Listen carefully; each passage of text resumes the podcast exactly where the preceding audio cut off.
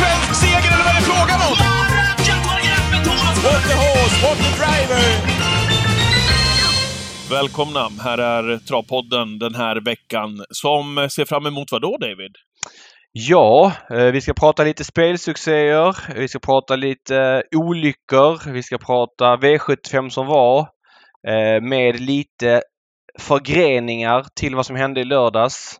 Dels tv-mässigt och dels eh, maten på banan som det har varit Jaha, lite snack okej. om. Mm. Men framförallt, vi har Svante Båth som gäst. Äntligen! Det har bara tagit 7012 avsnitt för honom att komma men nu Ja. när han har, snart ska lägga av som travtränare känner han sig manad. Ja, verkligen. Kul att prata med Svante om en eh, kort stund i den här podden. Jag pratade med eh, Svensk Travsports sportchef Robert Karlsson förra veckan. Vi var ju inne på det när vi hade Ebba Handler som var veckans gäst i Travpodden förra veckan och pratade juniorchansen. Eh, juniorchansens vara eller inte vara, det är de här loppen som det inte är spel på då det är eh, kuskar som är under 18 år eh, som Mm. kör i loppen. Och satt och spekulerade lite grann kring det där eh, om man... Men bara kort, var, varför skulle de inte finnas? Vad är närsidan med det liksom? Nej, är... alltså de, de kommer fortsätta att finnas, men det har väl varit en, en snackis att, att köra de här loppen där man inte har spel. Att man ska lägga dem och försöka hitta ett annat, ett annat andra dagar och ett annat forum för de dagarna helt enkelt, där, där de här kuskarna kan, kan köra. Ja, okej. Men, men rent spelmässigt så sa också Robert att det är ju marginalerna av marginalerna, så att liksom det är ingen, det är ingen biggie. Eh, just den biten. Men jag tycker faktiskt, jag vet inte vad du, vad du känner själv. Eh, Robert sa det att inför 2024 så planerar man nu att köra 100 stycken juniorfördelslopp, alltså för de här kuskarna. Eh, och det innebär då att de här kuskarna har eh, fördel i propositionen. Det vill säga att kör Bruno Neves 16 år eller 17 år en häst så har Bruno, så står Bruno på start. Eller kanske till och med 40 meter före. Antingen 20 meter före eller 40 meter före. Det här blir också ett incitament då för kuskar eller tränare förhoppningsvis att sätta upp de yngre eh, piloterna. Mot proffs. Ja, precis. Och då får Men man hur är alltså det en, då? propositionsfördel. Men man får inte spela på loppen fortsatt. Nej, men det kanske å andra sidan blir... Nej, det kommer du inte göra. Det är ju, Nej. det är ju lag, det är Ja, lagstadgat. Men det Ja. är ju framförallt en, en, en väldigt bra chans för de yngre, hur man nu slussar in dem i stora sporten, som vi pratade om med Ebba, att de får fler chanser att köra. Om, man, om nu tränare ser att oj, jag kan sätta upp den här eh, som får den här fördelen i propositionen. Jag tycker att det är ett superrätt steg att gå verkligen. Alltså att man hittar en juniorfördel i propositionen där man står antingen 20 eller 40 meter före, eller nu hur det, proppen skrivs ut. Jag tycker att det låter som... Annars finns det ju liksom ingen anledning. Det finns ju liksom inget... Jag vet inte varför man ska sätta upp dem i så fall. Det är ju mer för att ge dem chansen, men finns det en sån här app i det hela också, då, då finns det ju verkligen någonting att, att ta på för tränarna också. Och, Ja, mot, jättebra. och mot hästägarna. Vad känner du kring det? Nej men det är väl bra. Det är väl jättebra. Sen så är frågan, jag vet att många proffs ibland säger att eh, vi riskerar att köra mot kuskar som stryper oss i backen och det är hög risk med jobbet och så vidare. Jag vet inte om, om det här går under det men eftersom det inte är spel på loppen så kanske det eh, kan köras med större marginaler. Jag vet inte. Det är fortfarande prispengar så att lite luddigt men för, lite generellt sett för dåligt insats. Men jag gillar tanken att Eh, om det är så att man tar in de här unga kuskarna och de tävlar mot äldre proffs och att det då inte är spel på de loppen, för det får det inte vara när man är under 18 och kör. Då, då tycker jag att det finns, då tycker jag att de, akt, de proffsiga aktiva kan bjuda till i de loppen också. Det handlar inte om att man ska ge fördelar till de yngre men ändå acceptera att nu tävlar vi lite grann kanske på eh, den yngre kuskens villkor i det här loppet. Eftersom det inte är spel så blir det liksom lite mindre strålkastarljus och kanske lite mindre Ja, det, blir, press. det, är ju, det är knappt någon strålkastarljus alls. De sänds Ja, ju nej, inte men- ATG Live heller. Men, och då- och det är inte, de, vi pratar inte om, om, om proffs, proffsen, utan om vi pratar om de här som är mer rutinerade. Ja, jag fattar. de. Ja, ja. Det är inte så att Mange Djuse glider upp där utan det kanske är någon annan. Ja. Eh, nej men eh, lite så. Så att eh, jag, tycker att jag tycker att det känns fräscht i alla fall. Mm, Vaket mm. har Svensk Travsport för att liksom få de här kuskarna att få fler chanser i så fall. Ja. Och, och bättre än... Det, det, vad, vad, vad tänker du kring det? det är, är det luddigt eller är det solklart? Det här med att det inte är spel för att du är under 18 år. Nej, jag tycker det är såklart. Okej, men om eh, vi i Leksand ställer upp... Eh, vi, vi Jo, men det är en annan sport ju. Ja, men jag bara en annan ställer frågan. Eh, Om Nej, vi får magsjuka i laget och vi skickar upp vårt juniorlag då, med, med tre femmor av fyra som är över 18 år. Inte Ska vara ärlig 18 så tror jag inte det finns praxis och sådana saker för att när den här nya spellagstiftningen kom att folk under eh, 18 inte fick delta i spel. Då var det ju sajter som ställde in hela Wimbledon. Alla matcher i Wimbledon fanns inte på, på vissa sajter för att man var livrädda för att eh, eftersom det fanns deltagare framförallt på damsidan som var under 18 år att det då skulle göra att man blev typ stämd eller något liknande. Men nu har det visat sig att jag vet inte om det finns något fall som är prövat i domstol där minderåriga har eh, jag menar, man har kunnat spela på minderåriga där det liksom finns en, en vägledande dom. Men om en minderårig spelar i SHL eller fotbollsallsvenskan eller superettan då är det spel på matcherna som vanligt. Men det är ju de här renodlade U21-matcherna inom fotboll och, och, kanske, jag vet inte vad, vad, vad nivån under SHL heter. Alltså inte allsvenskan utan för juniorer som man kanske tidigare kunde spela på men nu inte, mer inte kan. Det är väl Mm. det som lagen är till för att skydda, tycker jag är helt rätt. Ja, men eh, bra. Eh, har du någonting eh, som, du vill, som du vill ta i samband med det här, eller ska vi bara trumma vidare, tycker du, här i Ja, men jag tycker vi trummar vidare. eh, vi gör det. Ska vi prata om Simon Helm först? Ja, eh, Våran eh, kollega jag- på Spel och lekkontoret.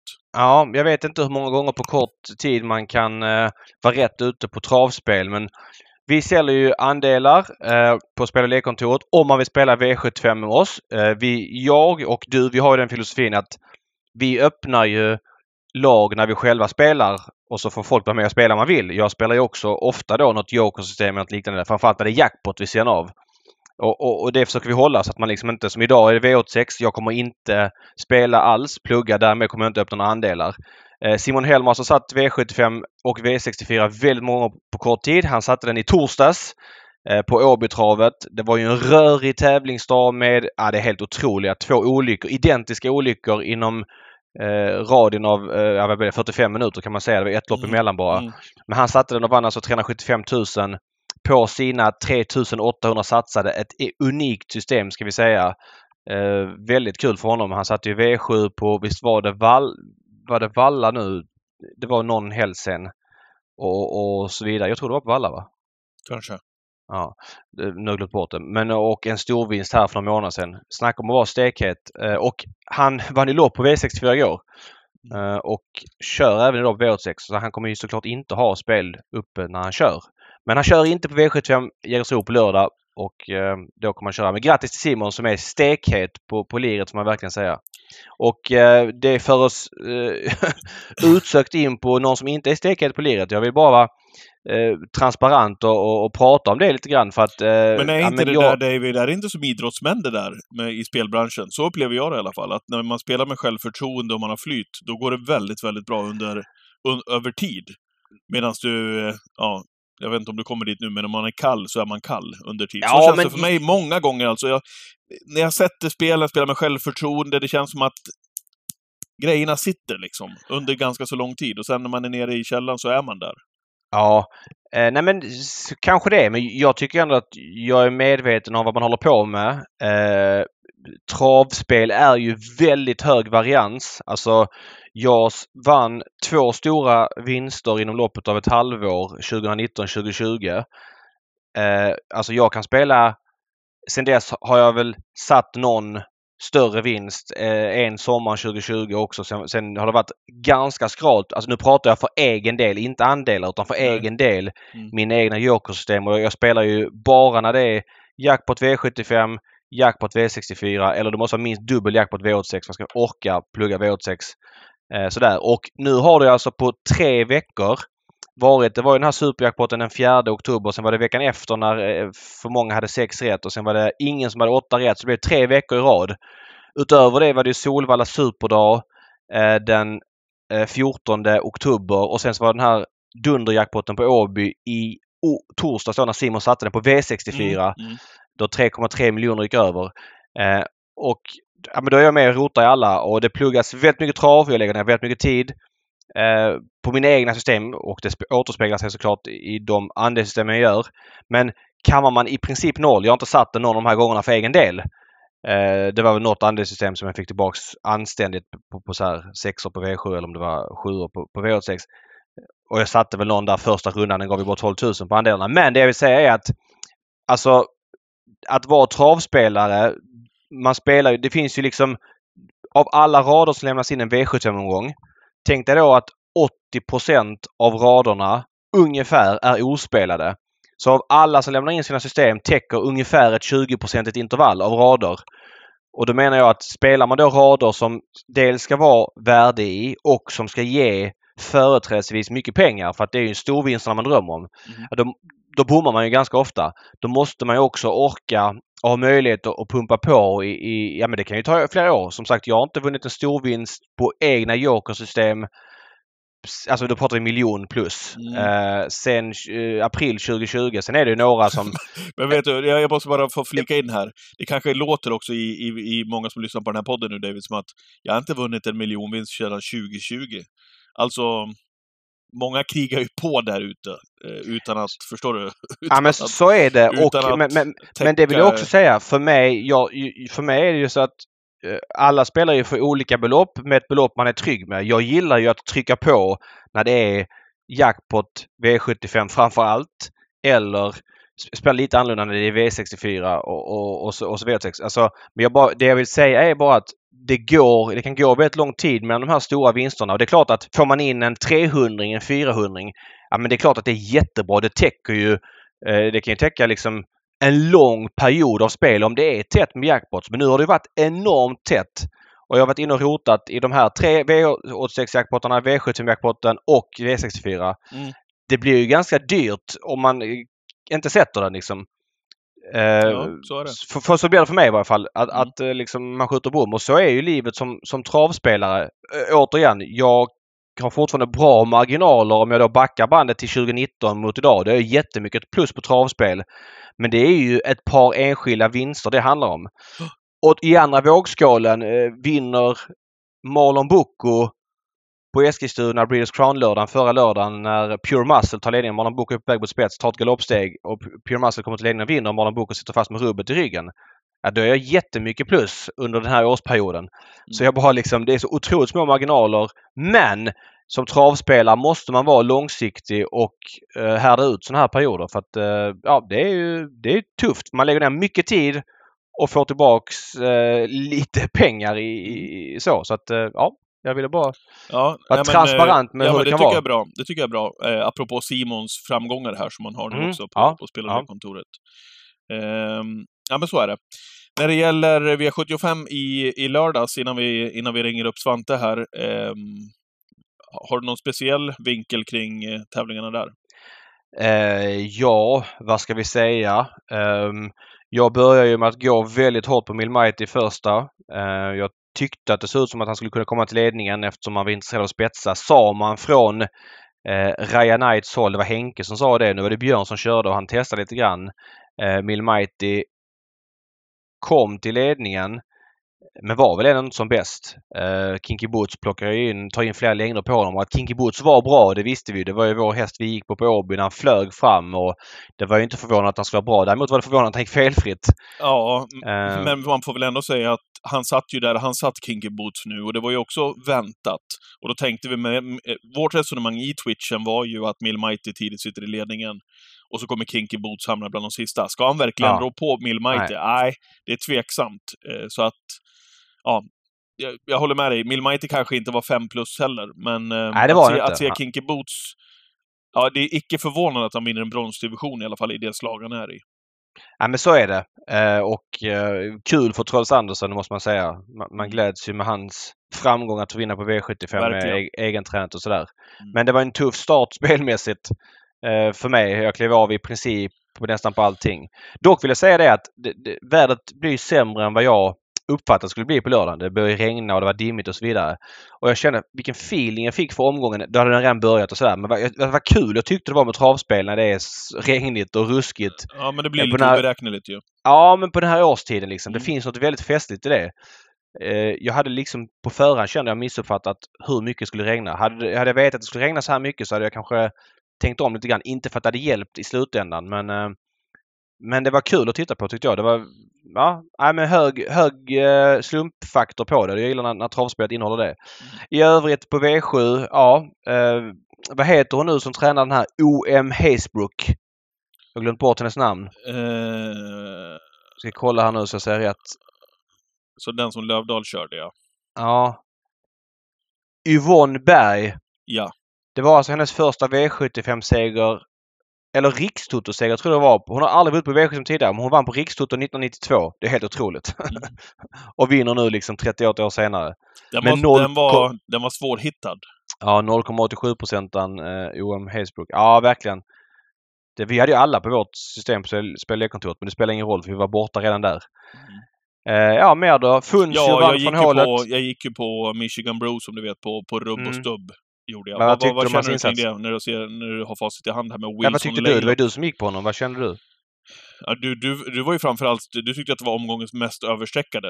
Eh, och nu vann ja. han ju inte. Så att, men eh, jag tyckte att han hade en superlämplig uppgift med, med tanke på hans kapacitet och ja, jag tänkte att, jag, tyck, jag tyckte att loppet var väldigt, väldigt billigt och jag, jag står väl fast vid det efteråt också, även om Wilson Laylock eh, det inte ska vara någon skugga över den hästen. Så att eh, även om den vann och ja, rann undan ifrån spets så gjorde väl Michigan Bro ett fullt godkänt lopp ändå tycker jag. Ja men det tycker jag också. De två lämnar ju övriga ska sägas. Så ja. det var ju snarare Wilson Laylock som var lite bättre än förväntat. Ja. Michigan Bro kanske, kanske lite, lite sämre men ändå fullt godkänd. Absolut. Eh, när de lämnar övriga. Sen var det ju långt ner. Ja, eh, ja men det var ett väldigt ihåligt lopp jag tyckte att han stod bra inne trots sina tillägg. Men eh, ja, Ready Tonight. Ja, hur bra är den här hästen egentligen? Jag, jag tror att det är en eh, väldig höjd på honom. Vi pratar alltså om en häst som visserligen sex år nu kommen men eh, han är startsnabb. Han svarar det mesta. Det var bra hästar han mötte här i, i lördags. Mm. Redéns stallform var sisådär inför tävlingsdagen. Nu vann han då två lopp på V75. Nu är den helt plötsligt bra. Nej men alltså du vet. ja, ja. Känslan är ändå att han, den här hästen inte var på topp i lördags utan han var inte alls Eh, känns att han var bättre typ Elitloppssöndagen han vann där i något lopp utanför. Eh, jag tror att det här är, ja men det känns som en guldhäst. Eh, och en tung faktor i silver här under vintern om man tävlar på det. Får vi se om man gör. Han har ju gått barfota, jag vet inte, väldigt många starter i rad. Gått barfota varje start sedan mitten på 20, 2021. Så att mm. kanske att man vill undvika sig på skor på honom. O, oavsett så är han en, en väldigt bra häst som blir intressant att följa. Han kommer inte ha någon jättelång karriär i högsta eliten eftersom han fyller sju nästa år, men han kommer ändå kunna vara med där. Indy Rock vann också, eh, apropå ja. Daniel Rydén då, eh, och eh, gjorde det igen efter den fina insatsen som han svarade för i Eskilstuna. Eh, och nu var det dags igen för Indy Rock. Den här har man gillat även tidigare i, i Johans regi. Jäklar vilken fin häst det är alltså. Ja men det är det. Och han har tagit ett kliv till. 11,6 från dödens eh, och banan kändes ju lite halvstökig Mm. Banorna numera blir ju hårdare när det regnar så de blir ju inte lika kladdiga. Men, men hästen var grym och vi hade ju hade jättefeeling för honom. Att han skulle vara bra. Nu galopperar i Casa de Star så att ja, då blir det såklart enklare väg. Men han gör det ändå från dödens på. Eh, väldigt formlösa Brother Bill. Eh, så att, äh, han är grym Indy Rock och det ska bli spännande att följa honom i, i Frankrike i vinter. Vad, vad, säger du om Brother Bill som kastar in från spets nu? Nu är ju snart vinter och hans form ska komma till hösten. Ja, man är ju det är så synd. Man vill ju ha den där Brother Bill. Är det, det första man tänker på Brother Bill, är det hans spurt på i Årjäng va? Därför... Ja, året. men framförallt är det på Solvalla när han plockar ner Hail Mary i... Uh, ja, vad är det nu? Det var någon guldfinal extra. Mm, ja, den, det loppet ja. också. Men uh, ja. även spurten där på Årjäng när han typ rundar berget, det publikberget sist och ja. kommer längst ut i banan och går ju som ett skott alltså. Man vill ju ha, man vill ha det trycket i, i brodern. Jag, jag, tror nog ehm. att man får uh, vänja sig vid att uh, han inte kommer vara så bra. Han som sagt, han fyller åtta snart. Han har varit, uh, varit tvåa i kriteriet. Uh, ja, man fick många, jag ska inte säga tuffa lopp enbart, men, men matchades hårt som ung häst. Och så är det ju att då får man ju mycket troligt betala ett, ett högre pris längre fram i karriären. Det är väldigt få, tittar du på kriteriehästar som varit 1, 2, 3 i kriteriet så är det väldigt få som startar en som 7-8-åringar. Så att eh, nu är han ju vallack så nu kommer man starta på och han kommer att vara med i guld och vinna lopp och så vidare. Men jag tror att den här absoluta högsta höjden vi har sett på honom, men förra året mm. framförallt, den får vi inte se på Brother Bill mer tror jag. Du tror Tyvärr. inte att uh, han är med i något mer Elitlopp? Nej, och, och just Elitloppet, han har ju alltid varit formlös den perioden. Mm. Så att uh, det tror jag inte. Osvuret är bäst, men nu sitter vi här och spekulerar. Ja, och, men det får vi det, det, känns... det, är så skönt med den här podden att vi får ju sitta här och spekulera hur mycket vi vill du och jag. Ja, nej, nej. Och jag förstår att eh, och så är jag ändå med i Elitloppet. Så eftersom varit grym något lopp innan så, så får man stå med brallan nere. Men då får jag, jag tar gärna den risken ja. genom att säga att jag tror att det, han, hans karriär som Ja. absolut elithäst är över. Magnus Eh. Djuse tog en, kan man säga att han tog en dubbel på V75 i skymundan? Ja. han, vann ju med, han vann ju med eh, nine points birdie åt Jasmine Ising och han vann med eh, eh, Funzio åt Fredrik Ja. Wallin. Precis, snacka om att ta en dubbel i skymundan. Jag håller helt med. Ja. Kul för Jasmine Ising. Som, eh, det känns lite som det är lite nytändning i det stallet. Jag såg att de har annonserat efter personal och eh, överlag. De hade ju ett tajt samarbete med Stall Philip här för några år sedan och sen så vet jag inte hur de kom ur eh, det när Stall Philip då slutade med sin hästsatsning. Nej, det var många hästar, det var många utav uh, Stall Philips hästar som såldes ju. Eh, Ja, precis, Och så precis. stannade ju ett gäng kvar hos, hos Jasmine, även om det var någon som flyttades iväg. Men de fick Ja. ju behålla några stycken också. Eh, ska säga det kort bara om eh, V75 i lördags. Jag såg på tv-sändningen och man hade Torbjörn Jansson i studion. Och jag tycker att eh, idén till att ha Jansson i studion tycker jag är väldigt bra. Eh, Jansson fick förklara, man, han fick svara på frågor och så vidare. Och ja, men jag, jag tycker att den grejen är, man ger honom tid att stå där.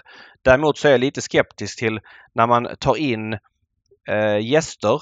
Eh, jag, jag, jag, ibland det blir som att saker sker på bekostnad av V75-tävlingarna. Då kan man då säga ja, vill du följa tävlingarna se provstarter så kan du se det på liven. Absolut. Är väl Men-. TV, ja, det, och det kan man göra. Men TV-sändningen har väl ändå som mål att bevaka V75-tävlingarna. Jag tycker man måste ge mer tid till det som sker, i varje fall ett par minuter innan bilen rullar. Jag vet att reklam och sånt gör att man måste ge Jansson tid. Men då tycker jag man får prioritera bort några andra inslag för att satsa på Jansson men ändå kunna följa tävlingarna med liksom summera provstarter i en och en halv minut innan man går upp till hytten så man får den här sportsliga nerven om att det körs ett V75-lopp som har snackat upp hela veckan och inte bara komma från att Jansson svarar på tittarfråga till att bilen rullar.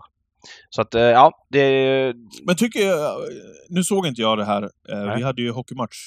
Eh, Men är inte det därför det finns olika forum? Alltså att välja på det här? Jag tycker att det är skitbra. Alltså Ja, det du berättar. Jag tycker så här, men i här lite lullull, det har vi pratat om förut. Vill du gå och ha lite mer nördigt, provstarter, Ja, men, uppsnack. och, och på jag, jag, jag köper att man kan tycka så. Det är motargumentet mot vad jag säger. Men var går gränsen? Vad, vad berättigar eh, tv-sändningen? Är det att Torbjörn Jansson ska gästa?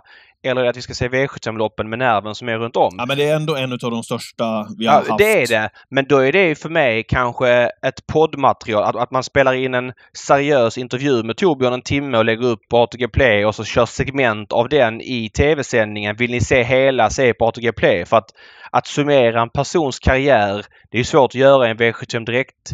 Ja, men sändning, så är för det är så men- mycket- men- men så, så tajt om tiden. Ja, men det är så mycket tajt om tid. Jag, tycker att det, jag tror att det är väldigt många som sitter där hemma som inte bryr sig om provstarterna så som du och jag Ja, men gör. Som och tycker jag att det är sjukt mysigt att få lyssna på till Och jag bryr mig inte karriär. jättemycket om... Ja, jag köper det. Och det, man har olika åsikter. Jag Mm. bryr mig inte jättemycket om provstarterna. Men jag paketeringen mot att det är ett V75-lopp. Vi börjar liksom på söndag kväll med startlistorna och ska prata upp det här en hel vecka och det är ju en höjdpunkt för många. Men sen när Mm. loppen väl ska gå, ja då skiter vi i de avgörande förberedelserna för att vi pratar eh, om, om Torbjörn Janssons derbyseger 2011 som också är jätteintressant och det är grymt att höra hans snack om det. Men jag tycker att man måste kunna ha- sära Mm. på de här två. Man måste kunna ha Jansson prata om hans derbyseger och kunna eh, bevaka liksom nerven inför loppet. Vad är vinkeln? Så att ja, men vi Fattar. får tycka olika vet, där. vet du vem som kan mycket om Torbjörn Jansson?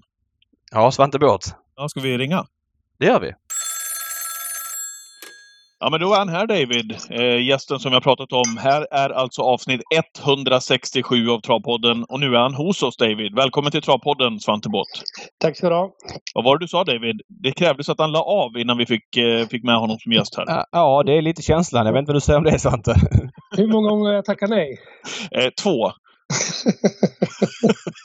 Ja. Syd. Ja. Ja, men nu, Ja. nu när licensen ska lämnas in, ja men då är det inga problem. Då ställer vi upp så det är lugnt. Ja. Har vi tid? Ja, hur, hur är det med dig? Ja, men det är väl bra. Alltså, det, det är kanske dumt att säga bra när man lägger av av en viss anledning, men eh, någonstans eh, just nu så känns det ju bättre. Det är klart att oavsett vilket beslut jag skulle ha tagit så kändes det inte bra. Eh, i, i det läget. Nu har det ju gått liksom x antal tid och det har runnit mycket vatten under broarna och man har fått fundera lite grann. Så någonstans känns det ändå skönt att man har tagit beslutet. Det var ju lite vakuum innan. Eh, du, när man läser då sånt, eh, varför du har lagt av, om vi börjar där eh, och det man har lyssnat till så är det på grund av dina höftproblem. Är det det som är liksom 100% som ligger eh, till bakgrund eh, för det här beslutet eller finns det andra aspekter också? Nej, det är 100 procent. Eh, och det är ju mycket för att det här är ju inte liksom ett jobb utan det är en livsstil och jag tror inte många förstår hur mycket jobb som ligger bakom och det är ingenting som man någon gång tänker på hur mycket man jobbar för man gillar det här så mycket. Men eh, när det liksom börjar göra ont hela tiden, både liksom när du kör häst och kanske minst lika mycket just att sätta sig och köra långt i en bil som jag har gjort hur mycket som helst förr i tiden. Mm. Då, då, känns det inte liksom riktigt att det är all in och då, då, då kommer du inte fram. Eh, kan du ta oss med lite grann bakom kulisserna hur resonemanget har gått långsiktigt? När bör den här tanken födas? Nej, men det börjar väl egentligen med den, den här tanken född vart väl ganska sen ändå för någonstans så greppar man ju efter halmstrået. Eh, det började ju liksom med för några år sedan när jag bestämde mig för att dra ner när jag hade väldigt mycket hästar och det gick väldigt bra också. Men att jag skulle dra ner för just av den här anledningen om man skulle kunna komprimera ner arbetet på ett sådant sätt så det skulle bli bra. Men det kanske var lite enfald av mig för att eh, det var inte mindre hästkörning ändå fast vi hade mindre hästar.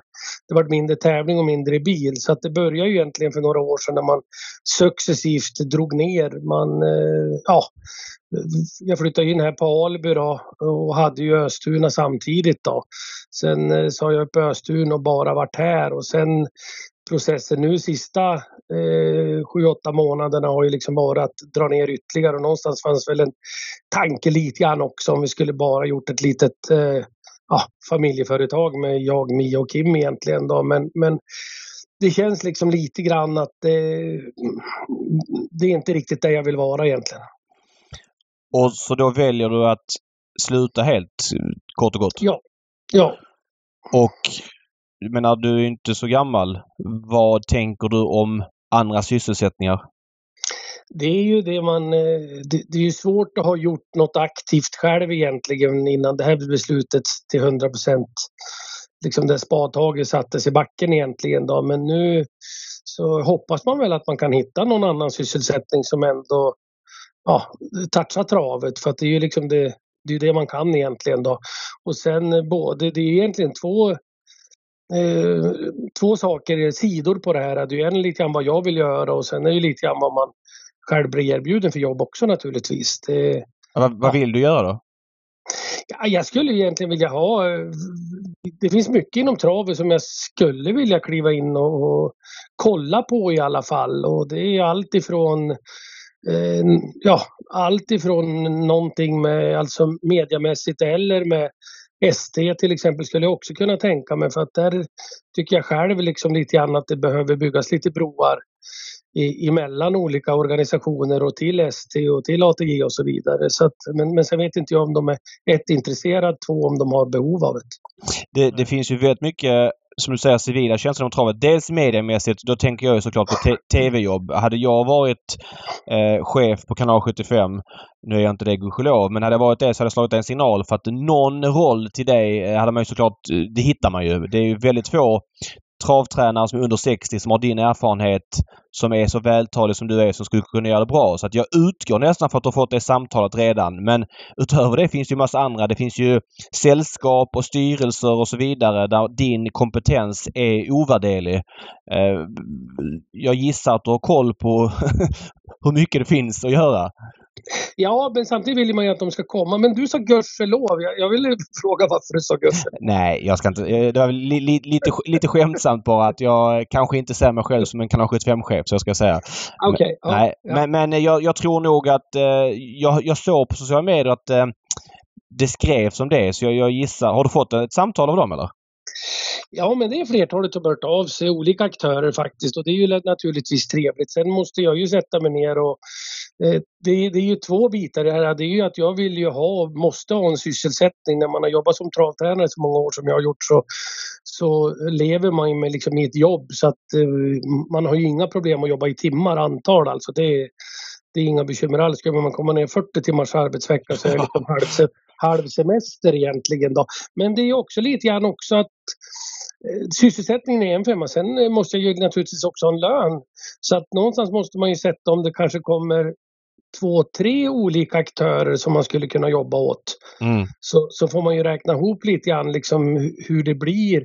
Både hur det blir arbetsmässigt, lönemässigt men också att eh, vad ska jag säga, komponenterna eh, lirar egentligen. Då, så att man, ibland kan du inte ta ett jobb för att ha ett annat av olika skäl. Nej, jag fattar. Äh. Jag ska, jag ska ställa frågan konkret så här då. Om, om du skulle jobba med trav-tv Ser du dig själv som att du skulle... För att väldigt mycket i, i travmedia handlar om spelet. Ju. Spelet är ju liksom motorn.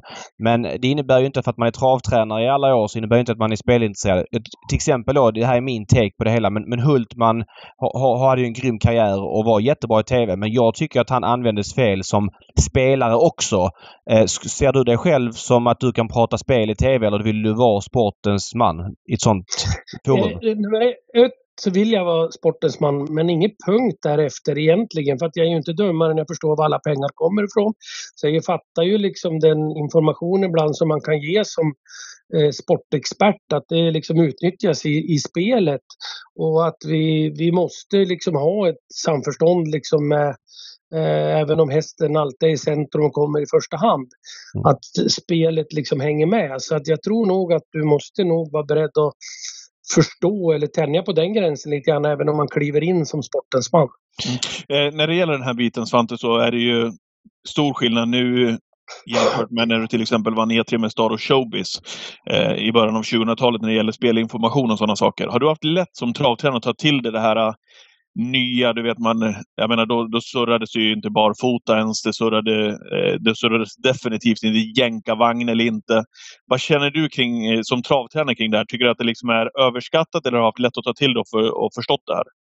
Nej, jag har, jag, visst kan det vara överskattat i, i mångt och mycket men, men är det det då spelarna egentligen vill ha, det är liksom ingen jättegrej från oss, då är det ju bara att tillfredsställa dem. För att någonstans får vi liksom vi måste hela tiden komma ihåg var prispengarna kommer ifrån.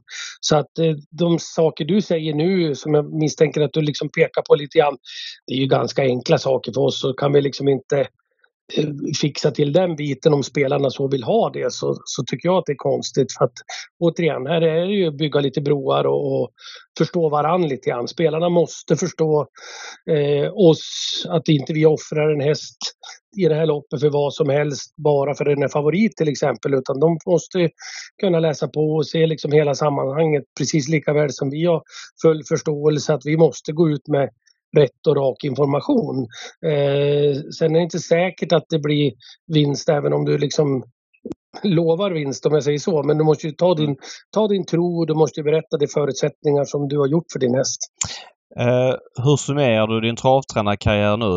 Eh, vad är höjdpunkterna? Ja, det är ju det som har kommit upp och faktiskt nu när vi har haft lite mindre hästar så har jag ju för första gången i hela min karriär suttit faktiskt lite framför datorn och plockat fram lite lopp därför att vi ska göra en kalender som vi gör varje år som vi skickar ut till hästägare och lite sponsorer och, och lite runt omkring och i år har vi bestämt oss att i år kommer rankingen av mina hästar. Alltså ja, kort och gott att jag ska ranka de här bästa hästarna jag haft i olika månader. Och därför så har jag gjort det väldigt mycket och jag har flyttat många hästar upp och ner när man har tittat och det är lite svårt att säga liksom ja, vad ska jag säga, hästen är lika bra men han fick inte luckan, han fått luckan där, då hade han mm. vunnit även det loppet. Det blir ju liksom lite konstigt att tycka att hästen är beroende av lucka för vi ska höja till skyarna. Men, men, men egentligen på din fråga så eh, fortfarande finns det ju en sån här som jag själv kände mig väldigt ska vi säga, nöjd och stolt med när man åkte hem. Det var ju kvalet i derby när man åkte ner med fyra hästar och alla fyra tog sig vidare. Då, då, ja, då kände man sig nöjd. Samtidigt förstod jag redan då att finalen kommer att vara ett helvete för att eh, det, det är alltid lättare att ha en häst om den vinner så är alla nöjda. Åker du dit med fyra vet ju hur det ligger till. Så att eh, den kvaldagen på derbyt är liksom det som jag känner mig mest stolt över faktiskt. Men visst, visst kvalade du in fem hästar till kriteriet också va? Ja, det, det gjorde jag. Och, och, då kan ni fråga varför var inte det bäst? Jo, ja. när vi hade kört fem kvallopp till, till kriteriet Oaks så hade sju vi hade provat med sju, ingen var nära att ta sig vidare. Det var ju som man ville åka hem för man hade ju ett par tre som borde ha gått vidare tyckte man. Så efter de fem loppen hade jag inte fått med en häst. Sen fick jag med fem på det resterande sju loppet. Det var ju liksom nästan lite sjukt. Men, men ja. ja. därför tror jag att känslan när jag åkte ner till derbyt är så mycket starkare än att kvala in fem till kriteriet. Vilket år var det? Jag kollar här snabbt men jag trodde det var Atraversiamo-året du hade fem, äh, fyra. Men vilket Nej, år var det? Var, nej, när jag hade fem, eller tänkte du derbyt eller kriteriet? Nej, derbyt fyra. Ja, men då, då vann ju Puchai, Westbo Fantast var trea, Maverick Man femma. Just det, det året var det. Mm. Mm. Ja, jag gjorde tv-sändningen, kommer jag ihåg. Räffade du Patrik då? Ja, det tror jag. Ja. På ja, men det gjorde jag. Ja. Jag, jag, jag kommer ihåg det för att min, min, min granne och kompis här, eh, Anders Nygård. Just det, han är eh, bäst på Fantast ja. Hade bäst på Fantast, precis. Och då kommer jag ihåg att jag refererade det då. Ja. Eh, vi snackade faktiskt om de här hästarna bara för några veckor sedan Svante. Framförallt du har vunnit derby tre gånger. Det är ju otroligt. Du har vunnit med Conrad Ås, med Puchai och med Atraversiamo. Eh, de två förstnämnda, alltså Puchai och Conrad Ås. Vilket fack ska man sätta dem i som derbyvinnare? Alltså, å ena sidan eh, hästar som inte gick så bra efter derbyt. Men gjorde du dem bättre än vad de var den här dagen? Om du står ja, frågan.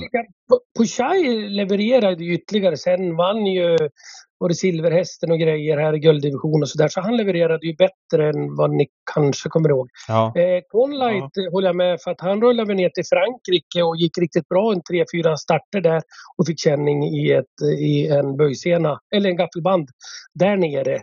Så att han är ju den där som är jättesvår tycker jag Alltså han vinner derbyt genom att vara i tredje spår i tre svängar. Mm. Men han vinner bara på 13,5 eller vad han vann på. Han var ju klart bäst i, i det loppet. Det var ju ingen snack om saken. Sen om hur kullen var, det vet jag inte. Samtidigt är ju han, när man tittar om på lopp så är ju precis Conlight Åsen där jättesvår. Han sitter fast med rubbet som femma i kriteriet. Får han lucka i kriteriet så vinner han nog kriteriet. Och då har vi vunnit både kriteriet och derbyt. Mm. Ja. Men, Nej, och, och, och, jag, jag, jag sticker inte under stolen med att fyraårssäsongen var krånglig för han. Så vi hade mycket att jobba på och eh, vi gick för derbyt med han och det var ju inte bara för att vi var så iskalla Peter Purro utan det var mer för att vi hade problem. Och vi fick lösa dem och jag kommer så väl ihåg när han startade på Dannero och Jimmy och skötaren körde och vi testade barfota. Då han satt fast med rubber kvar, jag tror det var i en rikstotomgång faktiskt. Så då kom Jimmy in och så sa han bara Fan vi vinner derbyt med den här om vi kan köra barfota sa han faktiskt. ja. Det var ju liksom lite kul och sen gör han jättebra. Loppet efter eh, derbyförsöket då och sen så vinner vi derbyt. Ja, men exakt, för förstår du frågan? Det här är ju mer för att höja din bedrift som tränare. Att kunna få en häst som eh, kanske är... Det är klart att du måste ha en bra häst vinna derbyt men att kunna formtoppa den så pass mycket till rätt lopp och, och, och därmed vinna derbyt. Sen måste man ju såklart ha tur med kullen och löpningsförlopp och det där. Men, men förstår du vad jag menar? Jag förstår precis vad du menar för att när vi gjorde det här så hade vi liksom en månad i kalendern som vi kallar bubblare. Samtidigt ska du veta att det finns ett gäng grupp 1-vinnare som man själv tycker är missförstå mig, väldigt enkla hästar. Men man, man matchade rätt, man gick för ett grupp 1-lopp, det lättaste, man lyckas pricka formen. Ja, och så vinner man det. Och det, det, jag förstår precis vad du menar. att Många gånger så är det ju ja, svårare och, och, och liksom det är svårare att vinna med den där enkla hästen än talangen. Det är ju ingen snack om saken. Så att jag, jag förstår det. Och sen finns det ju liksom hästar både som är toppar som det spelar ingen roll hur jag gör så kör jag in två miljoner men matchar rätt kör jag in åtta miljoner. Det är ju liksom är ju de här vråltalangerna. Men det finns ju de här mittemellan som bubblar under som du måste lära dig matcha. Och där tycker jag nog själv har varit min styrka egentligen att verkligen fråga ägaren inför treårssäsongen. Vill du ha 750 000 på kontot när treårssäsongen är kvar eller vill du ha 250 000 på kontot och vi går för kriteriet? Vad vill du ha? Och där blir ju liksom lite grann, för tar du en sån där häst som Global Withdrawal till exempel. På 12 månader vann han tio lopp med 100 000 eller mer i första pris. Mm. Hoppa botten i tre försök också med 100 därtill. Men han var ju liksom inte nära att räcka i ett, liksom i ett årgångslopp. Det, det, här är jätteintressant. Men, jag, jag, jag, jag måste bara, för att eh, du var ju... Det är två hästar som har vunnit eh, långa, korta E3 och eh, kriteriet.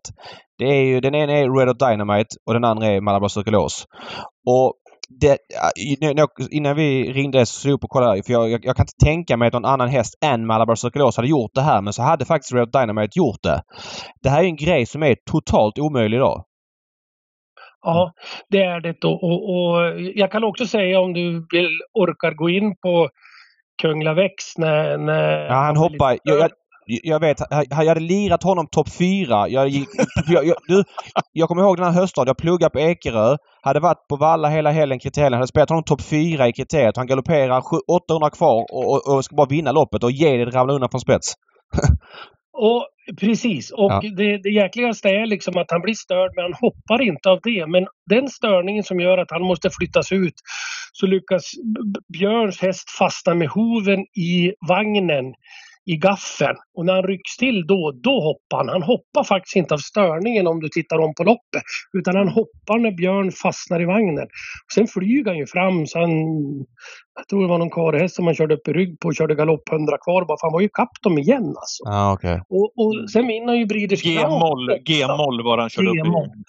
Och, och sen vinner ju Breeders Crown också. Så då hade vi vunnit både E3-kriteriet och Breeders Crown. Och det Lasse sa i, i den segerintervjun var väldigt kul tycker jag. För då sa han idag var han fin. Nästan lika fin som i kriteriet. Så. Ja, okej. Okay. Ja. Ja. Men, men, hur, hur, hur, ser du på det? Att det inte går... Alltså, för du pratade matchning, gå för ett grupp ett lopp. Det behövde du inte göra 2002 med Malabar Sokolos. Du kunde gå för dubbla E3 och kriteriet. Vad, vad, vad har hänt liksom, på de här 20 åren sedan dess? De här förbannade kollegorna har lärt sig att kliva in lite tidigare i ungdomssatsningen. Så att förut hade man både rutin och hårdhet tidigare plus att det var inte lika tufft att gå för de där loppen faktiskt som det är idag. Nu har de gjort om E3 till i år på ett, tror jag, ett positivt sätt. Det kändes positivt i år i alla fall. Så nu blir det i alla fall ett lopp mindre. Men eh, jag, jag förstår precis vad du menar att om du vinner långa E3 och tror att du kan vinna kriteriet, då skiter du i korta E3 nu. Mm. Ja. Apropå eh, E3 så har det ju gått under ep eh, epitetet E3-kungen. Det har väl varit trivsamt gissar jag? Ja, för guds skull. Det är sämre kan man ha. Hur, hur, hur många E3-segrar blev det? Jag tror det var 14 när jag läste någonstans. Jag, jag, jag, jag, jag vågar inte svara till 100 procent. Det är, ju, det är ju helt sjuka siffror i alla fall Svante. Vilken egenskap skulle du säga och vad är det som har gjort att du har lyckats så bra just i det här? För det är ju det är helt sensationella siffror egentligen. Vad är det, vilken ja. egenskap är det och vilket tänk har du haft för att lyckas med det här? E3 kom ju i, en, i, alltså kom ju liksom i ett skapande. Det var väl eh, var det nordiskt treårsmästerskap innan. Va? Eh, men skapades ju där lite grann i det här och, och, jag kände också väldigt tidigt i och med att någonstans så har vi ju byggt hästarna på ett väldigt positivt sätt för att inte ändra potentialen kan vi aldrig göra men, men att komma åt potentialen lite tidigare. Eh, och det hade jag ju med mig lite grann från Irland att vi jättefina beten men vi hade ju träningsanläggningen alldeles bredvid. Varför skulle vi vänta som förr i världen att till hösten och börja köra in dem utan vi börjar ju på våren som ettåringar körde in dem och släppte ut dem på bete igen och det var ju det jag lite anammat nere i Halmstad då att vi kör in hästarna och har dem ändå på bete och kan träna dem lite grann under hela sommaren. Det är liksom som en eh, vad ska jag säga, skola. De är kvar sommarlovet men vi ger dem lite lektioner under vägen.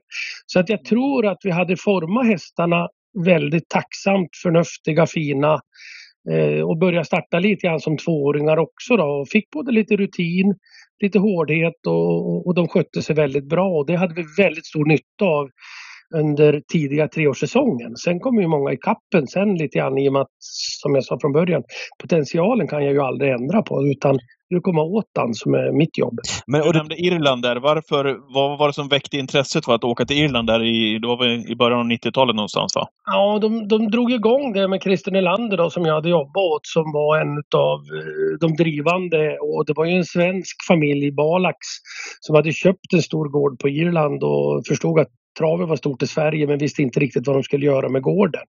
Och då kontaktade de Lillis Olsson som eh, ja, och bollade lite med han och sen kom Christer Nylander in i bilden då så han höll i det där och jag hade jobbat åt han så då värvade han mig dit till Irland helt enkelt. Okej.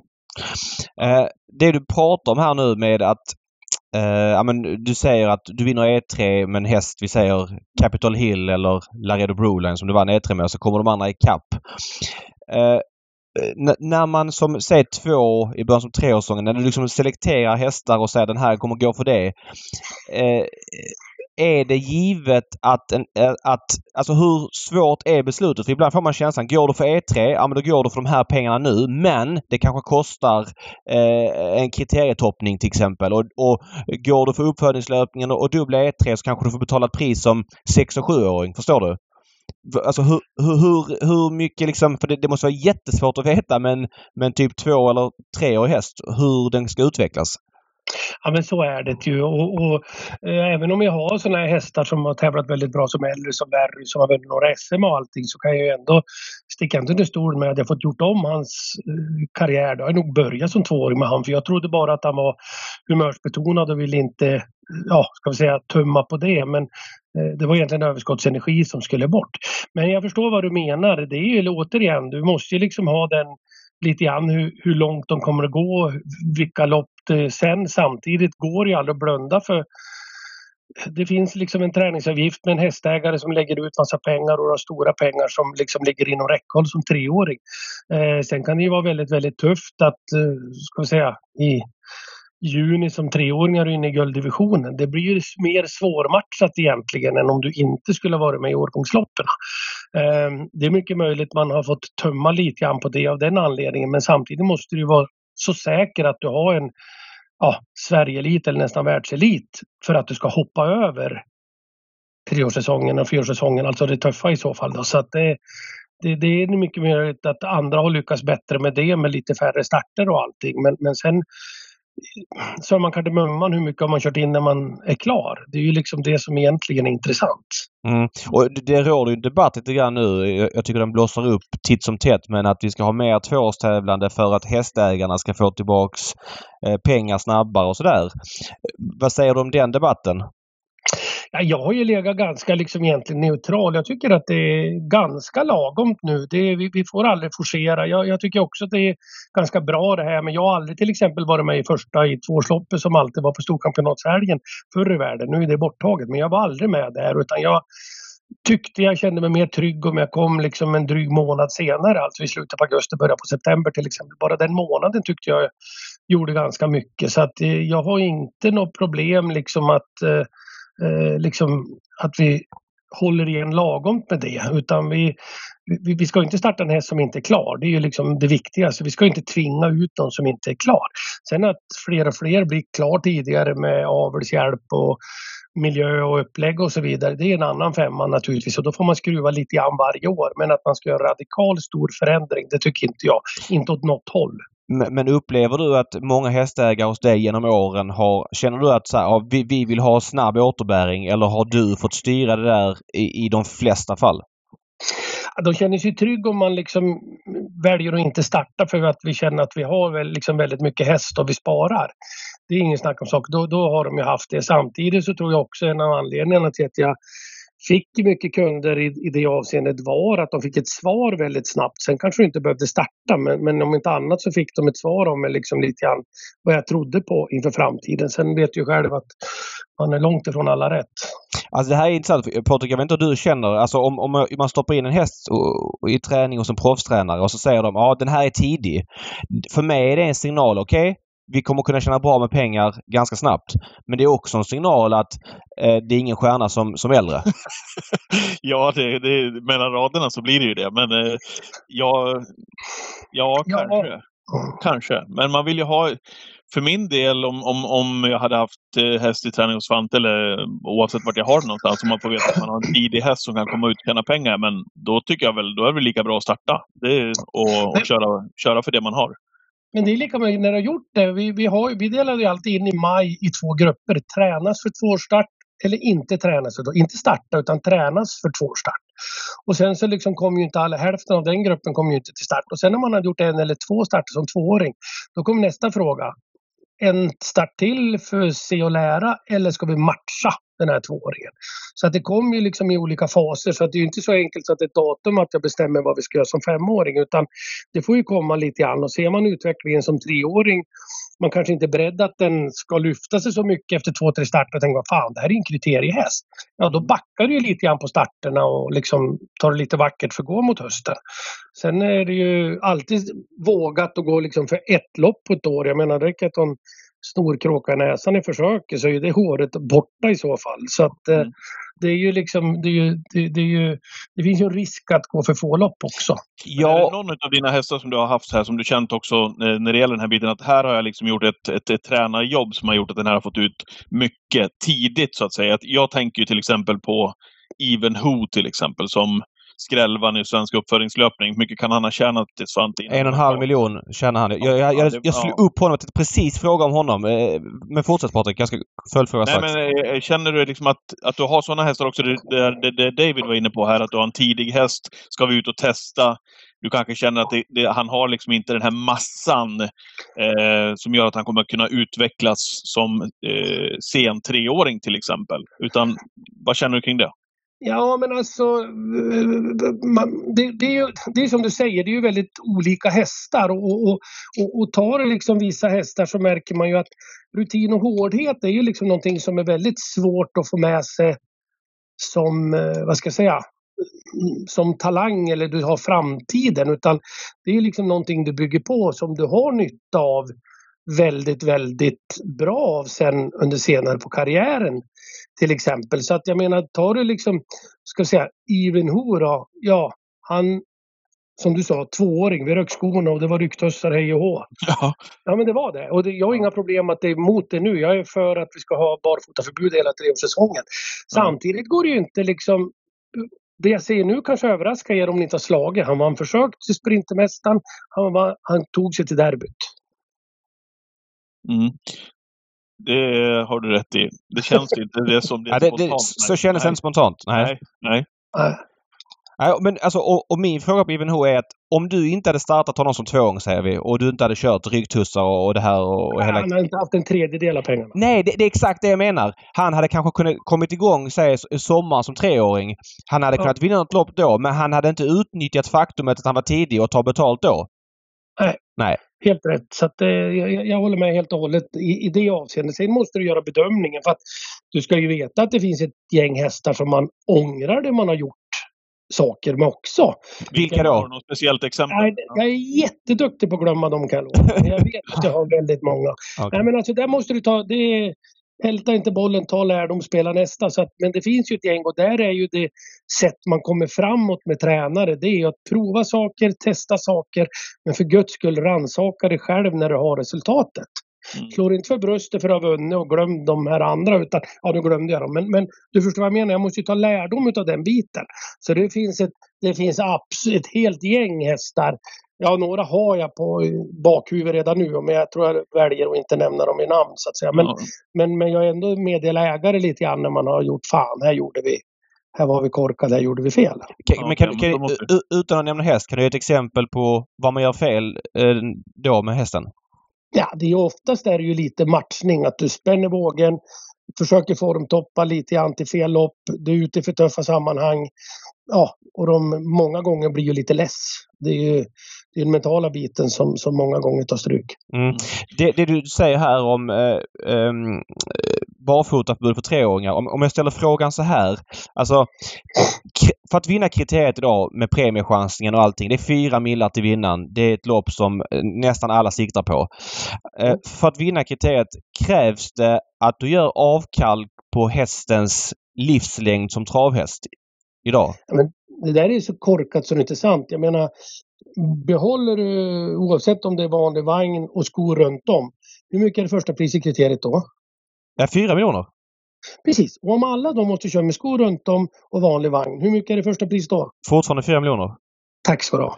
Men... Vi, vi, det är ju det jag menar. Jag har inget problem liksom att du skulle säga att vi kör med skor runt om. Kanske, jag, jag kanske har fel, men om det möjligt skulle bespara hästarna lite grann så skulle jag bara vara försten som gör tummen upp och tycker jag är helt rätt. Därför att många år så går kriteriet så gott som lika fort som derbyt.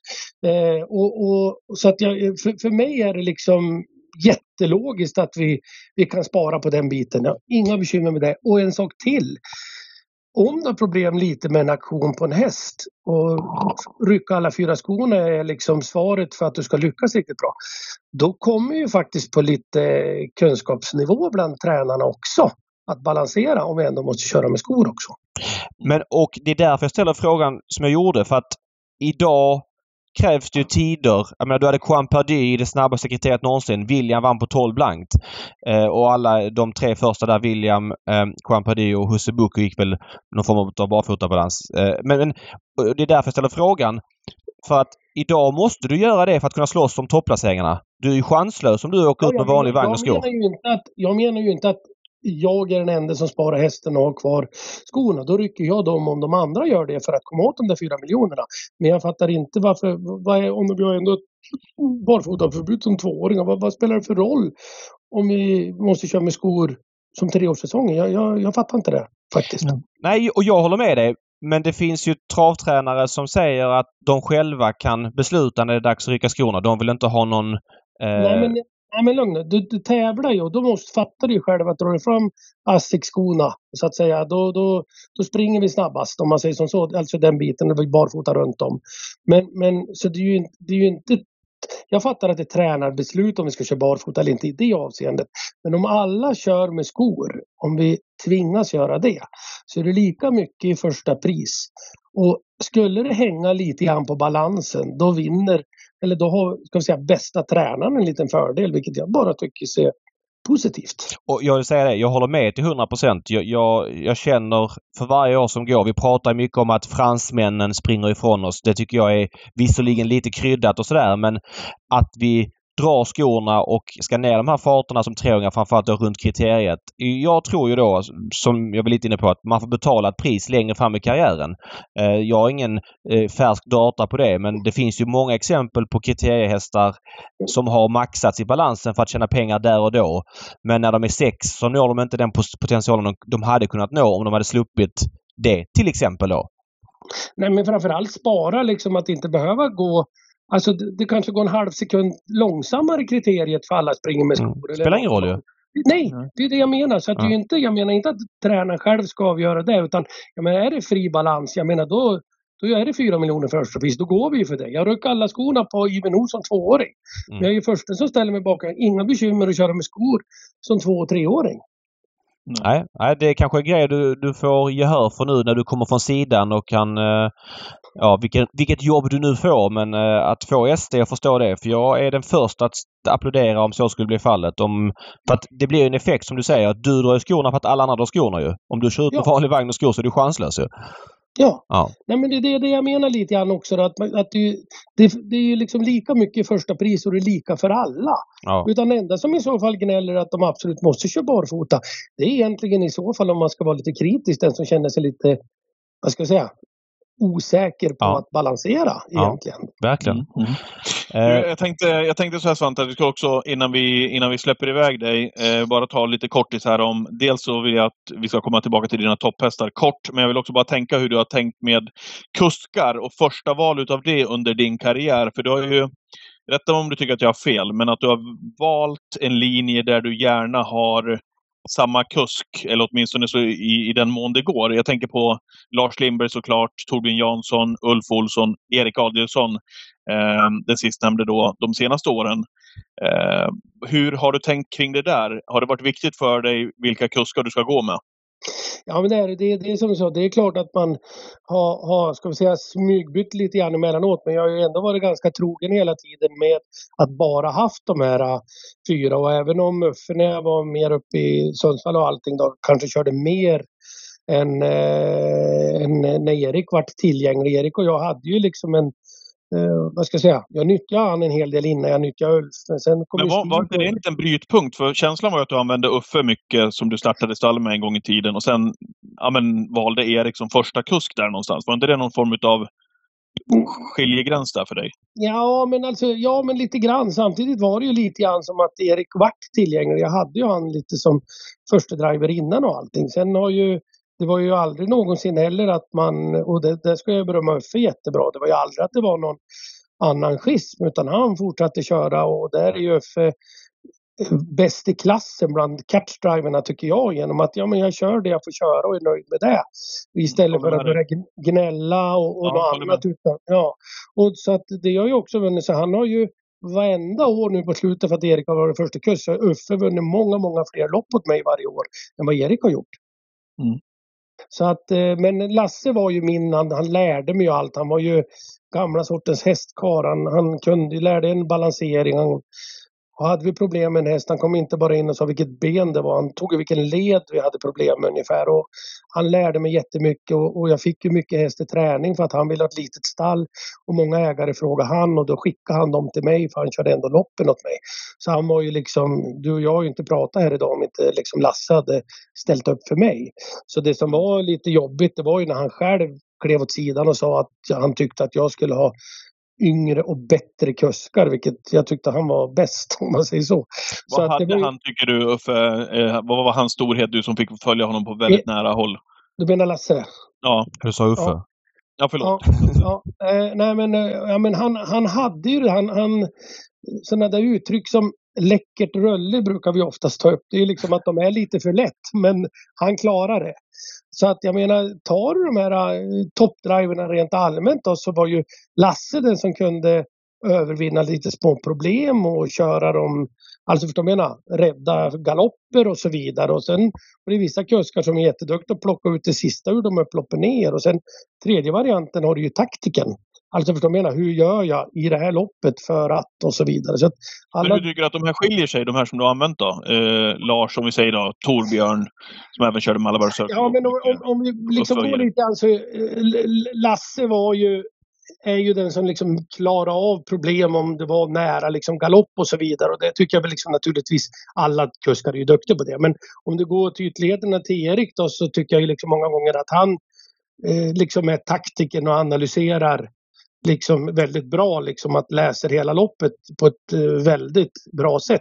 Framförallt storlopp för det är många gånger där du måste våga göra de här sakerna. Att eh, gör jag det här så kommer jag aldrig vinna loppet men chansa jag gör det här kan jag vinna loppet? Och så vidare. Och ibland blir det rätt och ibland blir det fel men det finns en tanke bakom det i alla fall. Eh, vilken är den bästa hästen du har tränat?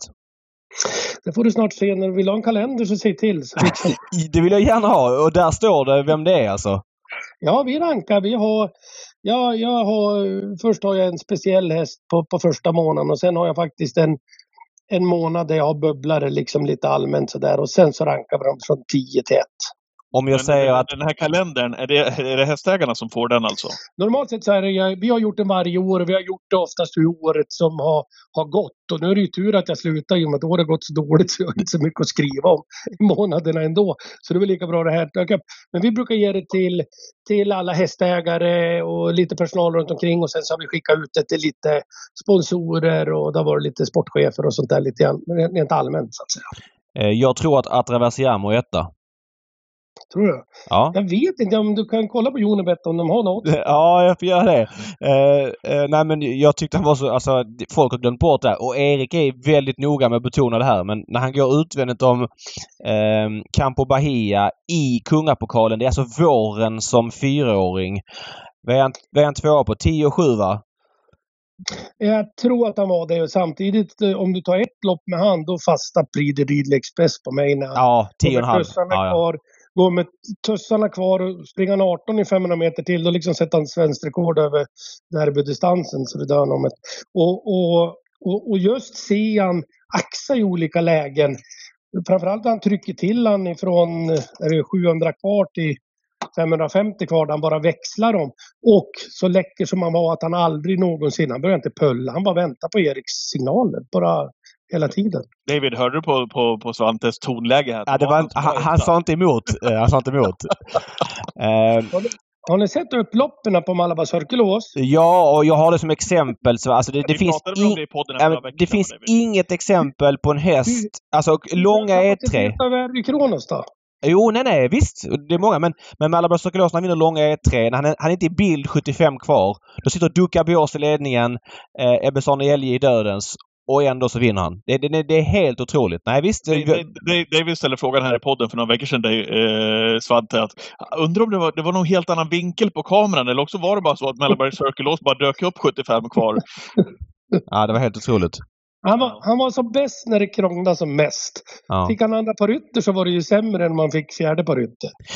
Uh, innan vi lämnar dig Svante, jag måste bara fråga en sak om uh, Det är väldigt många som har gått jobbat hos dig som eh, ploppar fram som framgångsrika. Det är klart att Daniel Wäjersten är kronan på verket men jag får känslan att väldigt många som har gått i din skola av tvåbenta är duktiga på att träna häst. Känner du dig stolt över det?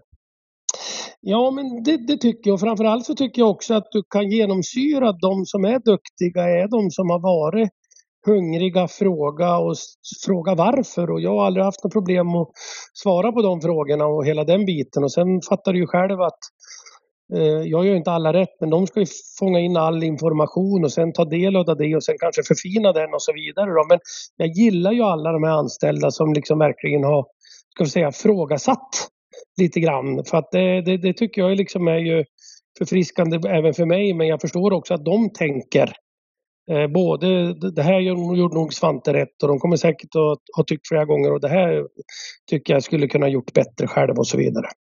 Men eh, är inte det en eh, jättevass, eh, lite, lite egenskap man inte får cred för? Att man har utbildat så väldigt många duktiga tvåbenta inom travet. Och nu ska vi säga att många är väldigt unga och alla har inte blivit egna tränare. Men det känslan är att det är en väldigt bra, men det är en bra kull om man får säga så. Ja, det är det. Men är det någonting vi tränare är väldigt dålig på så är det liksom blicka runt omkring sig, det man har gjort oavsett om du pratar lärlingar sådär äh, som blir tränare eller hästar och lopp man har vunnit. Liksom. Det är alltid någonting framåt, framåt hela tiden. Så att det håller jag med om att vi kanske liksom har... Jag tror inte man tänker till så himla mycket och det är som sagt att sista månaden här nu när vi ska göra kalendern och allting har ju varit liksom en liten jag kliver upp vid fyra bläcker på morgnarna när Mia sticker till stallet. Och då har jag liksom många gånger gått igenom det här med lopp och grejer så att vi är lite dåliga och ta åt oss det vi har gjort bra. Mm. Jag, tänkte att, jag tänkte på något vis att jag skulle få runda av Svante med, med tanke på att vi inte får veta vad som står i den där kalendern här. Den här kalendern, den vill man ju ha nu. Ja, ja, ja. Den vill man ju ha nu. Eh, eftersom vi inte får veta eh, rankingen där på hästarna som jag hade tänkt att du skulle få summera ihop här. Vad är du mest stolt över din tränargärning Svante som har varit fantastiskt rent resultatmässigt? Men finns det någonting som du skulle vilja ja, men passa på att summera. Vad är du mest nöjd över att ha presterat inom svensk travsport?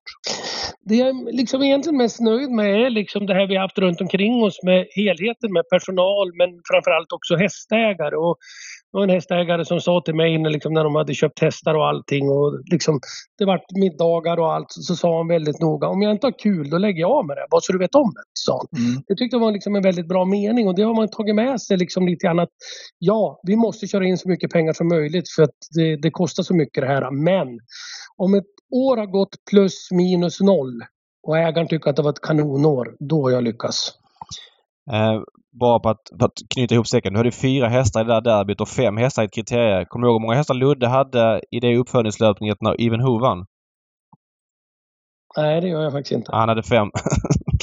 Han hade Nielsen Pin som hoppade in i första sväng som jättefavorit och, och Even Who vann till 60, som 64 åtsare. Kriteriet när jag hade fem, då måste jag faktiskt erkänna, det är en av de få gånger som jag tänkte att eh, nu förlorar inte jag kriteriet, tänkte jag. För att antingen kommer William trycka på Verry, ja. för han sitter i ledningen och då vinner Coin och kör han inte mot Verry, då vinner Verry. Så jag tänkte att fan, första gången så vet jag att så, så hoppar jag Verry från start direkt. Så att, ja. Ja, ja. Härligt Svante! Eh, ja. Stort tack för att vi fick eh, ha med dig här i, i Travpodden. Vi kanske har tid framöver, vem vet, att uh, surra lite mer. Vi hade kunnat gjort en, en, en timme till utan problem. Här. Ja, känslan är att Svante dyker upp här i något jobb ganska snart. Jag säger TV-expert inom några månader men det finns även andra jobb där hans kunskap behövs. Typ kanske på SD. Det där med barfotaförbud för treåringar tycker jag låter som ljuv musik. Mm. Mm. Ja, Tack, härligt. Så... Tack Svante. Eh, vi, vi hörs och eh, härligt att du var med i Travpodden. Vi tackar för det. Amen. Tack, tack. Ha det bra. Tack, hej, hej. hej. Ja, men kul, eller hur? Att få, få med oss Svante här tycker jag.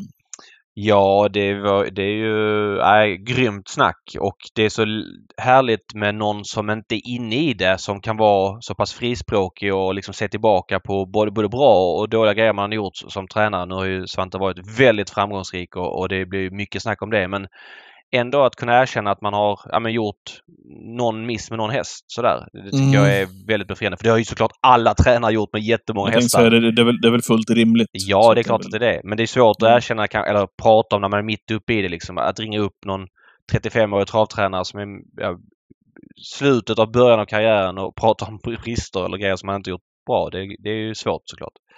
Mm. Men, äh, men Svante, jag, jag skulle nu, alltså han, han i en tv-roll som renodlad expert att titta på hästarna och inte behöva lämna. Det är klart att han, hans ord om hästar blir ju indirekt en förlängning ett speltips. En häst som kanske ser dålig ut, ser bra ut ja, eller något liknande. Ja. Men att han ska slippa tippa generellt sett. För jag tycker det är så otacksamt när man inte är en spelare i grunden men tvingas spela utan det gäller att ta vara på hans kompetens eh, och göra mm. det bästa av den. Mm. Jägersro står för V75-tävlingarna nu på, på lördag. Ska vi ägna en kort stund åt Jägersro? En första tanke kring V75. Ska du ner och käka på restaurangen? Nej, jag ska inte ner och käka ärtsoppa. Däremot innan vi gör det kan jag bara säga en sak om Örebro ja. som jag glömde säga. Ja. Ja. Eh, ja, det är lite kompisar som var där och jag messade med dem i, i lördags och de var otroligt besvikna på maten. Eh, det var det, alltså det sämsta de har käkat och det här är inga människor som men är det dålig, dålig mat på en travbana så kan man leva med det. Men eh, jag läste faktiskt här nu i, eh, i travmedia att eh, Örebrotravet har gått ut och kompenserat folk som käkar på restaurangen Oj. för att man har hittat... Ja, men då, då, då, då har det varit, eh, då har det varit riktigt Man har hittat någon miss med, med, köttet så att alla som hade käkat fick pengarna tillbaks för, för köttbiten och det tycker jag är väldigt bra gjort av Örebro. Alltså, det är klart att det är illa att det här sker från början. Man måste identifiera problemet. Örebro kör få stora dagar med V75 på ett år och de få gånger man kör måste man kunna ha grejerna i ordning. Så det är ett problem i sig men att man i alla fall inser det och släpper prestigen och betalar vill jag säga är, är bra gjort av Örebrotravet. Mm. Men det kommer inte Jägersro behöva göra på lördag för då är det ärtsoppa, ärtsoppa och pannkakor och det är ingenting som man kan bomma speciellt hårt med. Det är bara att öppna Nej. burken och hälla i den och värma den, upp sig. Så, så är det. Um, V75s första avdelning, favorit In Love med Russ tillsammans med Örjan Kihlström. Förresten, sa inte du i förra veckans podd också, jag tror, blir inte han favorit? Indie Rock? Ja, men, sa du? Jo, jag sa det och du, du bara nej, nej, nej, sa nej, du. Det, han, blev, han blev ju inte det. Nej, nej, men jag tyckte han skulle vara mer spelad. Så att jag, ja. även om jag hade fel i sig så hade jag ändå lite... Ja, tanken var Tanken, tanken var, var god, men eh, bedömningen var fel. Eh, In Love med Rust då? Ja, men det känns väl kallt. Han var väl okej. Okay. Nej, förlåt, nu blandar jag ihop dem. Jag tänker på den här ja. som startade i lördags. Oj, vad, vad kall man är. Det här är den som var grym i ledningen. Ja, men det, det är den här som har fått, uh, fått lukta på Mattier hundra gånger. Ja, ja. Nej, men den här, uh, ja, jag vet inte. Redéns hästar då bättre igen uh, efter den här svackan. Ja. Jag, jag, kan inte säga varför han ska vara favorit. Jag ska säga bara snabbt senast. Vad sa du? Du kan inte se varför han Nej, men han sitter fast med rubbet Nej. senast sådär. Men det blir mycket ja. tidiga spelare på Redén Nej, men jag, jag, köper det. Sen står han ju tufft in i klassen. Han har ju gått över 500 000 precis mm. egentligen och möter ju de som är, står riktigt bra inne i, i loppet också. Jag är Så lite spänd på Everyday Elegant. Den gör debut för Preben Sövik.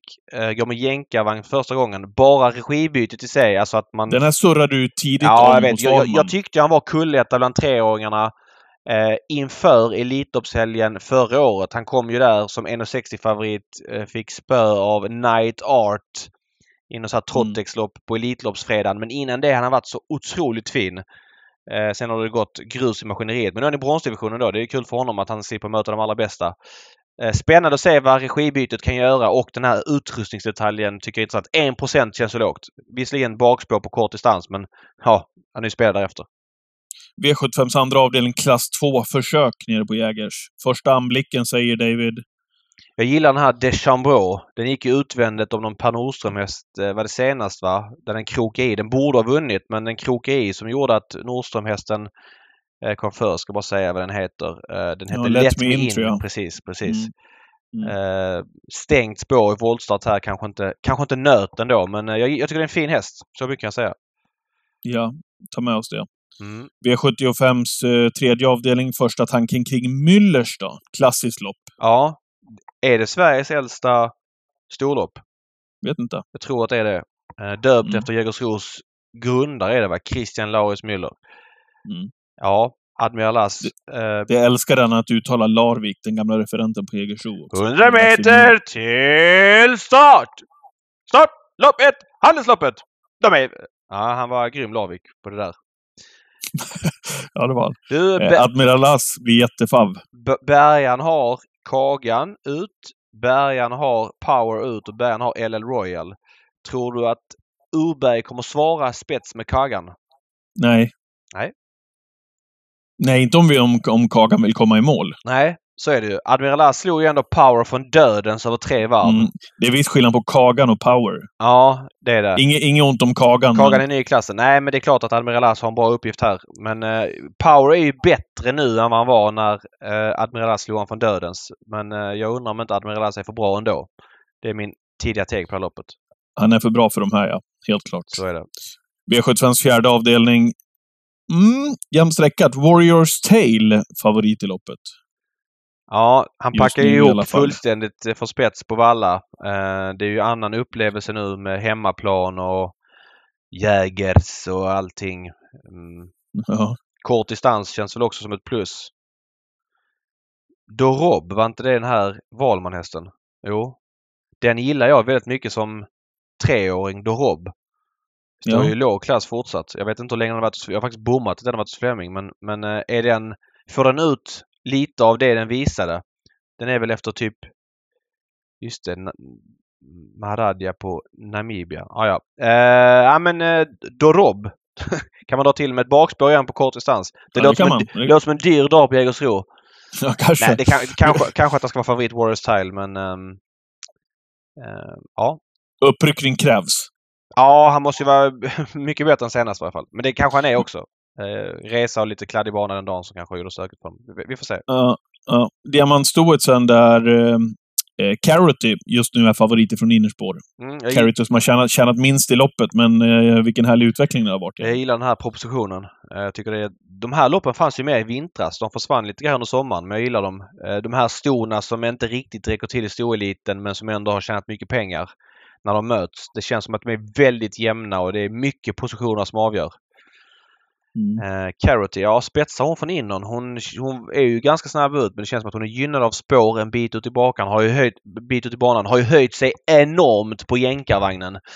Här skulle jag vilja ha ett snack med Robert Berg och höra vad han säger. Varför han har liksom börjat köra med jänkarvagn. Eh, och fått bra Mm. effekt på det. Han var emot det Ja, väldigt länge. verkligen. Ser det mer och mer. Men jag är inte säker på att han svarar ut de här Ninja Zone, de här snabba som är utvändigt. Nej. Hur länge har Ninja Zone varit hos André Eklund? Det känns inte som att det är så länge va? En start?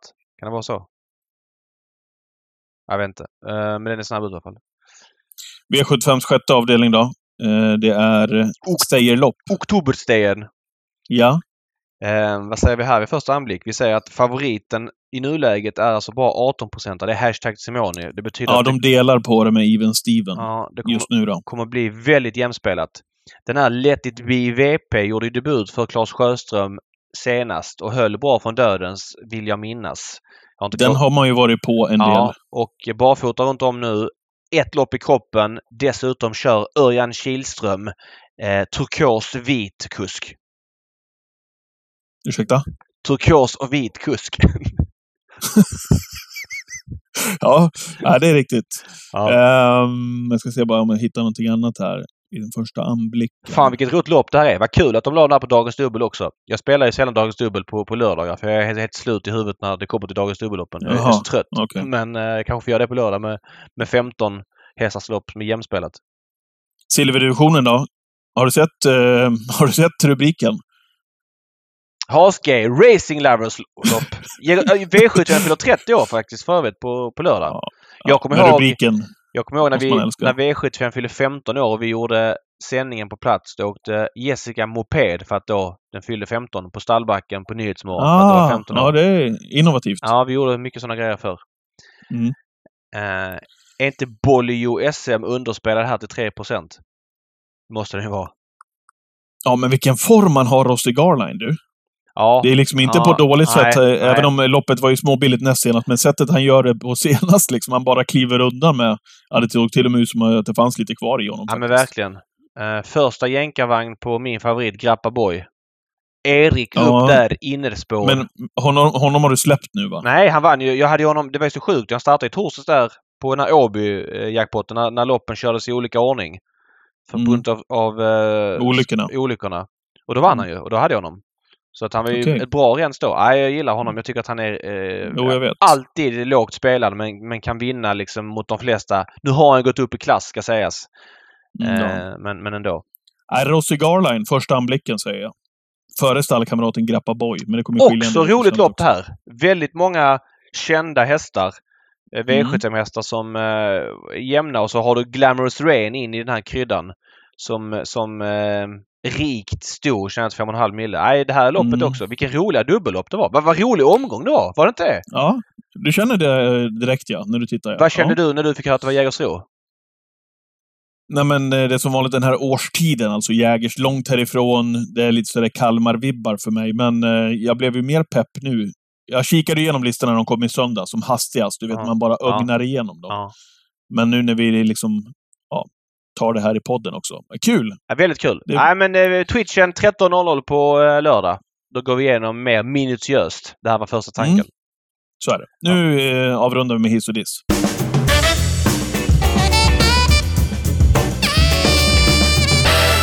Yes. Eh, Yes. Du har dissen den här veckan. Jag dissar den här Det veckan. var länge sedan det vi dissade i podden. Ja, vi har fjantat till det lite, lite grann med att inte kunna ta ställning och sånt. Men nu kör vi. Ja, men jag... ehm, det här är ingen nyhet och jag bara, jag bara känner det här varje lördag. Alltså V75 är ju en väldigt stor del av ens liv. Eh, Jag tycker att det är skitkul. Jag eh, älskar att plugga till det och, och, och följa det och sådär. Mm. Problemet är att när man började spela på trav för massa år sedan, då kunde man ju kolla fritt om man ville på, på, på tr- travet och följa det. Sen när det blev mer tv-anpassat så kunde man också följa det fritt. Men jag har alltså sedan då fyra år, fyra och ett halvt år en sambo eh, och eh, familj sedan, eller en son som är två och ett halvt år. Ja. Eh, Passar, det gör vad, passar det vad du dissar nu? Ja, det var, man får andra prioriteringar i livet. Mm. Och jag tycker att, och jag fattar att för olika målgrupper passar det här olika. För många som har mycket att göra eh, på förmiddagarna så är det säkert bra att travet då börjar 14.45 med V75 start 16.20. Men för mig, alltså den här 16.20 starten, det är så dåligt i schemat så att det kan inte bli sämre. Jag, hela dagen går. Fan vad sjukt. Sitter- Jag har ju också barn. Ja, Det är ju du är ju större jag, barn ju. jag tycker att det är, ja, jag tycker det är fantastiskt. Du hinner städa undan otroligt mycket grejer med, med kidsen innan och så i lugn och ro slår dig ner till 16.20. Hade det gått tidigare Ja. på dagen hade jag, jag hade bommat merparten utav racen kan jag säga. Men vad är tidigare på dagen? Jag tycker ju att eh, för mig blir det att det blir en väldigt lång dag. Alltså sambon behöver uppmärksamhet någonstans. Ja, jag, jag kan göra grejer fram till klockan 11 kanske. Sen måste jag börja plugga trav. Och sen ska man prata med lite aktiva Mm. och så vidare. Sen har vi Twitch-sändningen klockan ett. Jo, jo. Och sen börjar liven klockan två. Men om något sen- år så har, då kommer Bruno vara och spela fotboll klockan eh, ett på, på lördag eftermiddagen eller något liknande. Så- Han håller på med någon så är det säkert. Mm. Så är det säkert. Men problemet är att efter V75 så blir det också, det blir liksom, det är redan kväll då. Så vill min sambo göra någonting på, på kvällen, då måste vi liksom börja göra oss i ordning redan, ja men du vet så här vid 18. Så då är det liksom när dagens dubbelloppen går. Mm. Så att jag tycker att det tar för stor plats. Hade det legat tidigare, inte för tidigt, för jag fattar att ni som, alltså att det är mycket aktivitet och så vidare, men att det är klart i varje fall till, ja, jag vet inte, 18 kanske. Då känner jag att det blir ett bättre flow och så behöver man inte sitta och vänta hela dagen. Jag tycker väntan blir väldigt lång till att det ska dra igång. Eh, det vill jag säga. Jag tycker att 16.20 passar eh, mig jättedåligt. Och då har jag inte ens nämnt aspekten att eh, det börjar så mycket bra fotbollsmatcher, framförallt i England klockan fyra.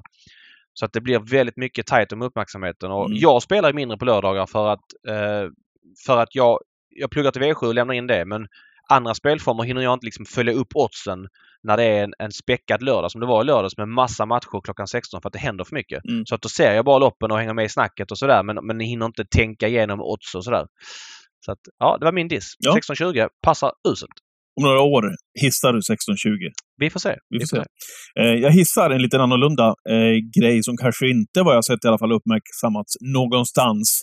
Men eh, en eh, häftig dubbel tog hon, uppfödaren Lena Martell, i helgen. Eh, lite på ett speciellt sätt. Hon är uppfödare då till Indie Rock som eh, debutvann i gulddivisionen. Och parallellt med det så hade hon en kriterieseger också på Solvalla. Där Anders Malmrot bland annat var på plats och delade ut eh, priserna till eh, kriteriet för russ som kördes. Kördes ju även eh, sjätte i slopp. Men eh, Lena Martell hade alltså fött upp både Indy Rock som vann gulddivisionen på Örebro och hon hade fött upp Telsvinio som vann kriteriet eh, för russ för ungdomarna. Det är en snygg dubbel som ligger lite grann i skymundan måste jag säga.